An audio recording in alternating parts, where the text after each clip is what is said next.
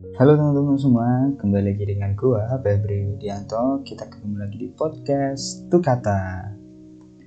Podcast yang memberikan cerita-cerita menarik yang disuguhkan dari isi berbagai buku yang telah usai dibaca dan tentunya menyampaikan banyak sekali insight baru ataupun pengetahuan terkait mulai dari sains, teknologi, filsafat, motivasi, entrepreneur hingga banyak hal yang menyertai ataupun berhubungan dengan budaya kita masyarakat Indonesia.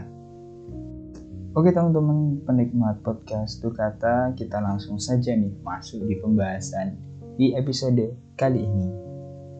Nah teman-teman semua kali ini kita akan membahas buku yang bertemakan tentang seksualitas yang tentunya ada kaitannya dengan paradigma yang dikonstruksikan di masyarakat kita, kemudian juga pasti akan bersinggungan dengan pola sosial ataupun interaksi yang ada di masyarakat, terutama dari segi seksualitas antara perempuan dan laki-laki. Nah, buku ini ditulis oleh seorang yang berlatar profesi sebagai dokter dan concern terhadap isu-isu perempuan terutama kesehatan seksual ataupun eh, hal-hal uh, yang terkait adanya pentingnya peduli terhadap edukasi kesehatan reproduksi dan seksualitas. Siapa beliau? Beliau adalah Dia Safira. Dia juga beliau juga sering menulis beberapa artikel di platform bernamakan foxpop.id ada beberapa artikel yang juga disertakan di buku ini yang menjadi tambahan bahasan dalam buku ini dan teman-teman juga bisa mengikuti beliau di akun Instagramnya itu uh, latar singkat ataupun background singkat dari penulis buku ini dan buku ini judulnya apa judulnya adalah sebelum perempuan bercinta sangat merepresentasikan apa yang akan dibahas di dalam buku ini dan topik-topik yang disajikan oleh Kak Dia Safira. Langsung saja kita masuk di pembahasan. Oke teman-teman, uh, buku ini sangat menarik sekali ya membahas tentang isu seksualitas yang ada di masyarakat kita sekarang terkait bagaimana ya isu-isu perempuan ini uh, dianggap hanya perlu maca, mana, dan juga masa Nah, kita akan membahas ataupun fokus terkait seksualitas yang disampaikan oleh Dia Safira. Bagaimana sih diskriminasi dan ketimpangan yang dialami perempuan di sini, terutama di Indonesia?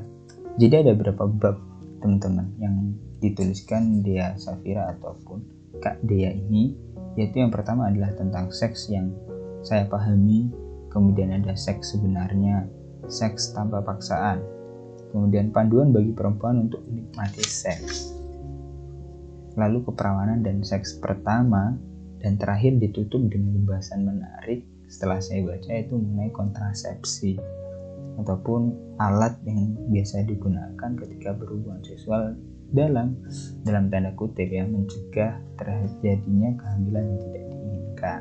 Seperti itu. Ataupun juga bisa mengurangi uh, terjangkitnya uh, penularan virus ataupun infeksi menular seksual Nah, teman-teman, dalam buku ini Kak Dia Safira coba mengulik ataupun coba memberikan wacana terkait kondisi di lapangan sebenarnya terkait seksualitas terutama bagi perempuan seperti judul bukunya sebelum perempuan sebelum perempuan bercinta.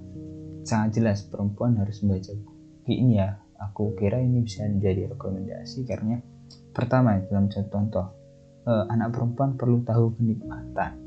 Nah, anak kecil sering dianggap bahwasannya dia nggak perlu tahu tubuhnya ataupun anak-anak remaja. Kamu uh, diajarkan kamu harus menghargai tubuhmu untuk suamimu nanti. Kamu nggak perlu tahu ataupun mengeksplor bagaimana sih tubuhku, kenapa aku menstruasi, kenapa dan lain-lain sebagainya yang berhubungan dengan perempuan. Nah, itu juga disampaikan di cover belakangnya. Uh, Kak Dia menuliskan kamu harus menjaga kesucian. Tubuh kamu milik suamimu kelak. Perempuan enggak boleh ngomong jorok dan sederet ucapan lain yang menghambat upaya mengenal tubuh. Nah, seperti itu. seperti yang dikonstruksikan di masyarakat kita bagaimana sih perempuan harus bersikap ataupun mempersiapkan diri oleh suaminya dan itu uh, sangat-sangat mengekang perempuan padahal ini seks tidak sama dengan cinta seksualitas itu kadang tidak sama dengan cinta. Dan di dalam buku ini banyak sekarang ya di era kita tentang FWB ataupun friend benefit kayak gitu. Bagaimana kita hanya membutuhkan seksualitas tanpa cinta yang kadang juga menimbulkan ambiguitas. Nah dia Kak Dia Safira juga memberikan tips-tips nih. Bagaimana sih ketika kita ingin FWB dan lain-lain. Nah sebelum aku membahas jauh lebih lagi ya disclaimer kalau misal teman-teman membenturkan dengan norma agama ataupun norma-norma ketuhanan yang teman-teman bawa dalam mendengarkan podcast ini silakan dan silakan dicerna dan dibenturkan ataupun diolah. Bagaimana sih kita sebenarnya harus bersikap kayak gitu? Buku ini bukan mengajarkan bahwasannya ketika kita membahas seksualitas kita akan uh, menjerumuskan atau mengarahkan bahwa pada kebebasan ataupun seks bebas ya mengajarkan seks bebas seperti ini loh harusnya bukan. Tapi pada akhirnya output dari buku ini adalah mengajarkan kepada kita bahwasanya perempuan itu bisa ataupun perlu mengenal dirinya sendiri. Perlu tahu apa yang dia inginkan bukan hanya yang dikonstruksikan oleh masyarakat kita bahasanya laki-laki menuntut laki-laki perlu orgasme dan lain dan perempuan tidak gitu. Tapi perempuan bisa melakukan ataupun menjaga dirinya sendiri seperti apa perlakuan yang bisa diberikan dan pada akhirnya semakin kita tahu kita akan semakin paham bahasanya berhubungan seksual secara bebas. Itu juga banyak risikonya. Salah satu contohnya yaitu infeksi menular seksual yang jenisnya juga pastinya teman-teman sudah tahu banyak seperti sifilis, go, uh, ataupun raja singa kemudian paling parah yaitu HIV AIDS. Dan di sisi perempuan pun juga banyak perempuan bisa mengalami kepetian, bisa mengalami uh, kutil dan lain sebagainya. Nah, Kak Dia Safira coba fokus ke situ, ke hal kesehatan bagaimana sih kita memandang ataupun melakukan hubungan seksual dengan dalam tanda sehat ya. Tidak ujuk-ujuk. Kemudian Kak Dia Safira juga menyinggung banyak hal ya terkait yang fokusnya nanti mengarah ke hal-hal itu. Ini, seks itu basah, bukan keset. Ada paradigma ya ataupun disampaikan bahwasanya uh, kalau semisal terjadi lubrikasi pada vagina itu vagina kotor, bau dan lain-lain.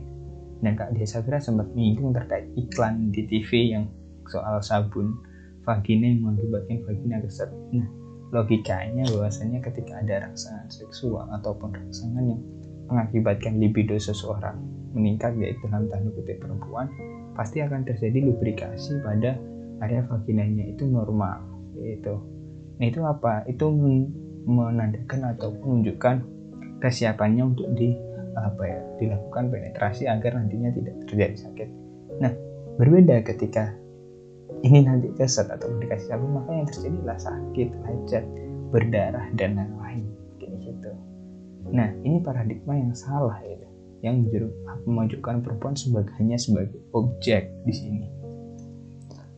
Dan banyak lagi ya kemudian suka sama suka apa ia bisa ngeset semuanya uh, semaunya gitu? Enggak. Walaupun ibarat nih kalian pacaran kemudian sama suka dan melakukan hubungan seksual bukan berarti karena suka sama suka bisa seenak wenang-wenangnya. Mau kayak gini mau seperti ini enggak. Tapi harus ada concern di situ kesepakatan dan lain sebagainya.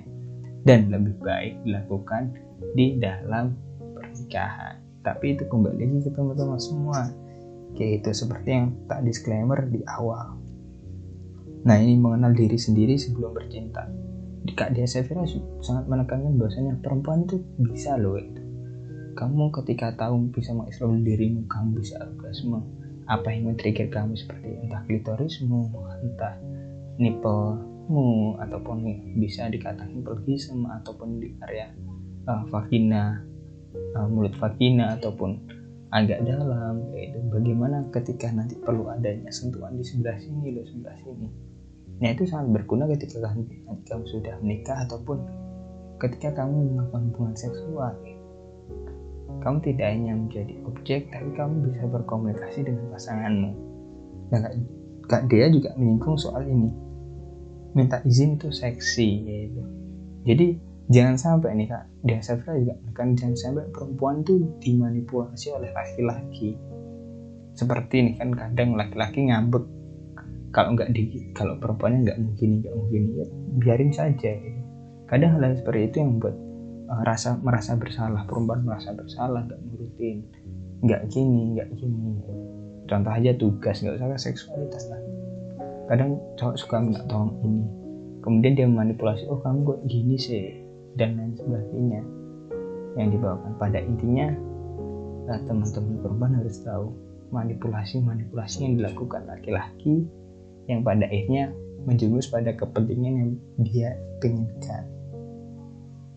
Dan seksualitas ini merasakan spiritual awakening lewat masturbasi. Kak Dea Safira juga menyinggung terkait masturbasi. Perempuan itu bisa mencapai kenikmatannya sendiri dengan masturbasi dan yang ini yang dianggap uh, pada norma agama atau masyarakat kita itu perempuan kalau oh, sering masturbasi pasti dia senang ewek ya. Mau diewek dan lain dan itu juga dia suka dia Safira nggak seperti itu bro itu kita juga sebagai perempuan juga punya concern punya pemahaman bagaimana sih memerdekakan diri kita sendiri dan ada beberapa hal juga terkait aplikasi kencan daring.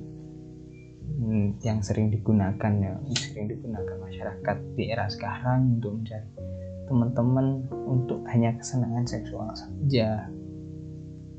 Nah ada juga yang tak singgung tadi tentang yang yang pada akhirnya menyinggung tentang kesehatan seksual yaitu seks oral itu juga punya resiko banyak bakteri yang terjadi yang ada di vagina ataupun di penis yang akhirnya ketika kita melakukan seks oral tanpa adanya uh, alat pengaman ataupun kontrasepsi seperti dental dam ataupun seperti kondom kayak gitu dapat memindah ataupun menjadi uh, pembawa carrier penyakit dari uh, organ tersebut ke dalam area mulut.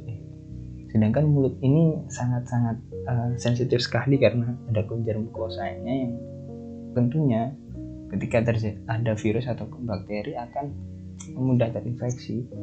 Kak Sevra memberikan salah satu case yang terjadi pada aktor Hollywood yang mengalami kanker kanker mulut yaitu karena setelah melakukan seks oral.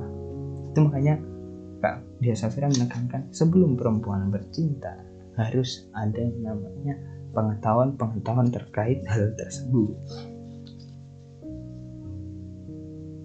Dan terkait masturbasi juga saya kira menekankan kenapa sih kalau perempuan masturbasi?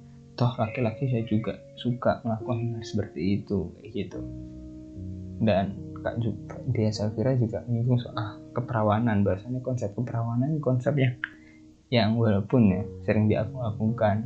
Tapi hal ini sebenarnya uh, juga jelas bahwasannya apa yang dianggap perawan itu yaitu adanya selaput darah yang katanya di malam pertama itu ketika perempuan mengeluarkan darah ketika berhubungan seksual pertama kali maka itu telah hilang perawanannya.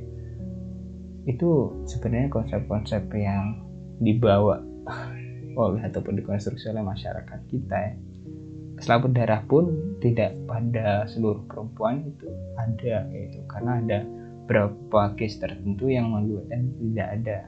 Adanya selaput darah itu tujuannya untuk melindungi uh, bayi dari bakteri ketika dia kecil. Sebenarnya seperti itu yang disampaikan di sini juga sebagai informasi. Nah ketika pada malam pertama perempuan tidak mengalami pendarahan toh pada akhirnya kan vagina juga elastis dan lain sebagainya membuat hal itu tidak terjadi. Nah, dua bab terakhir ya tentang keperawanan dan seks pertama kemudian kontrasepsi ini yang yang sangat menarik tentunya sebagai penutup ya. Yang tadi juga saya bahas terkait keperawanan bukan selaput darah, kemudian kapan sih aku harus dapat melepas keperawanan, terus memilih pasangan seks yang bijak. Kita harus tahu nih bagaimana sih kita harus berhubungan seksual yang baik. Literasi-literasi terkait ini sangatlah penting yang kita gunakan. Tidak sembarangan ataupun sembrono. Kita harus tahu juga ketika kita memilih untuk melakukan seks pranikah ataupun di luar nikah kita harus tahu riwayat pasangan kita itu pernah sama siapa sih sama siapa sih. Itu sangat perlu dialog ataupun concernnya. Kemudian ketik nah tadi saya juga nyinggung nih soal ketika udah pacaran kemudian ah, udah melakukan sering hubungan seksual mendalam putus bagaimana nah pada prinsipnya namanya manusia kita harus tahu harus uh, menerima ataupun concern dari awal apa sih tujuannya aku ngelakuin ini ya gitu.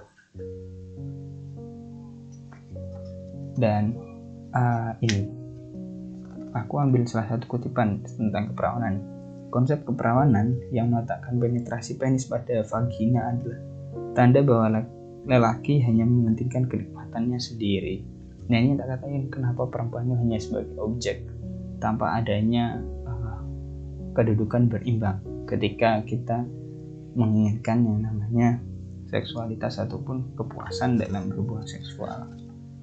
Dan terakhir ini tadi yang seperti saya katakan membahas tentang kontrasepsi yang sangat penting ini tentunya teman-teman. Dan Kak Dia Safira juga menyinggung tentang akses akses masyarakat umum terhadap kesehatan seksual ataupun kesehatan reproduksi ini sangat susah dan bisa dibilang eksklusif karena hanya dapat dijangkau oleh kalangan-kalangan tertentu. Pertama. Yang kedua dia Safira coba menyinggung soal uh, yang dilakukan oleh praktisinya sendiri yaitu dokter yang mengatakan bahwasanya perempuan lajang itu kenapa sih? Kok dia belajar tentang kesehatan reproduksi? Kan belum menikah gitu. Diperlakukan secara sinis kemudian perlakuan-perlakuan kasar ketika Kak Dia Safira memasang alat alat kontrasepsi berupa IUD koper ya. Kalau diceritakan di buku ini perlakuan perempuan-perempuan perawat ketika dia uh, melakukan pemasangan kemudian nggak Safira juga diceritakan salah satu pengalamannya ketika memasang IUD ini diketahui bahwasanya dipasangnya lebih baik ketika menstruasi. Tapi dokternya memasang ketika tidak dan itu mengakibatkan pendarahan yang mengakibatkan keluarnya banyak sekali darah. Kayak gitu. Nah itu pembahasan terakhir dari bukunya dan konsep-konsep yang ditawarkan ataupun disampaikan yang Mbak Dea Safira terkait pandangan kita harus terbuka ketika ingin melakukan hubungan seksual yang baik mulai dari kita harus mengetahui latar belakang tubuh kita kita mengenal tubuh kita itu seperti apa sih titik-titiknya yang membuat kita bergairah itu mana sih yang kedua bagaimana sih kita melakukan hubungan seksual yang sehat yang aman yaitu entah itu kita sudah menikah ataupun belum. Yang selanjutnya kita harus tahu ketika kita melakukan hubungan seksual di pranikah ataupun setelah menikah dampaknya seperti apa, concern dengan pasangan kita seperti apa, pasangan kita itu siapa. Yang terakhir adalah dampak yang diakibatkan dari hubungan seksual ini. Dari proses-proses tadi, apakah aku menerima kepuasan, ketika aku menang tubuhku harusnya aku tahu bagaimana memposisikannya. Kayak gitu dan terkait paradigma paradigma masyarakat yang coba di di obrak abrik ataupun yang mudahnya dipertanyakan oleh Kak Dia Syafira konsep-konsep yang menyudutkan perempuan tidak memberikan ruang bebas terhadap perempuan terutama di akses kesehatan uh, seksual dan reproduksi. Kemudian juga menyinggung sedikit dengan jaminan aborsi bebas ya itu banyak panjang sekali ketika kita membahas itu isunya dan beberapa regulasi yang sempat ditekankan pemerintah terakhir uh, yang bisa saya sampaikan uh, hidup dengan sehat dan perhatikan kebutuhan seksual kalian jaga diri dan teruslah berliterasi terkait apa pun terutama untuk kesehatan kita semua. Itu tadi pembahasan singkat tentang buku dari Kak Yasafira. Salam literasi dan semangat membaca. Kita ketemu lagi di episode Tukata selanjutnya.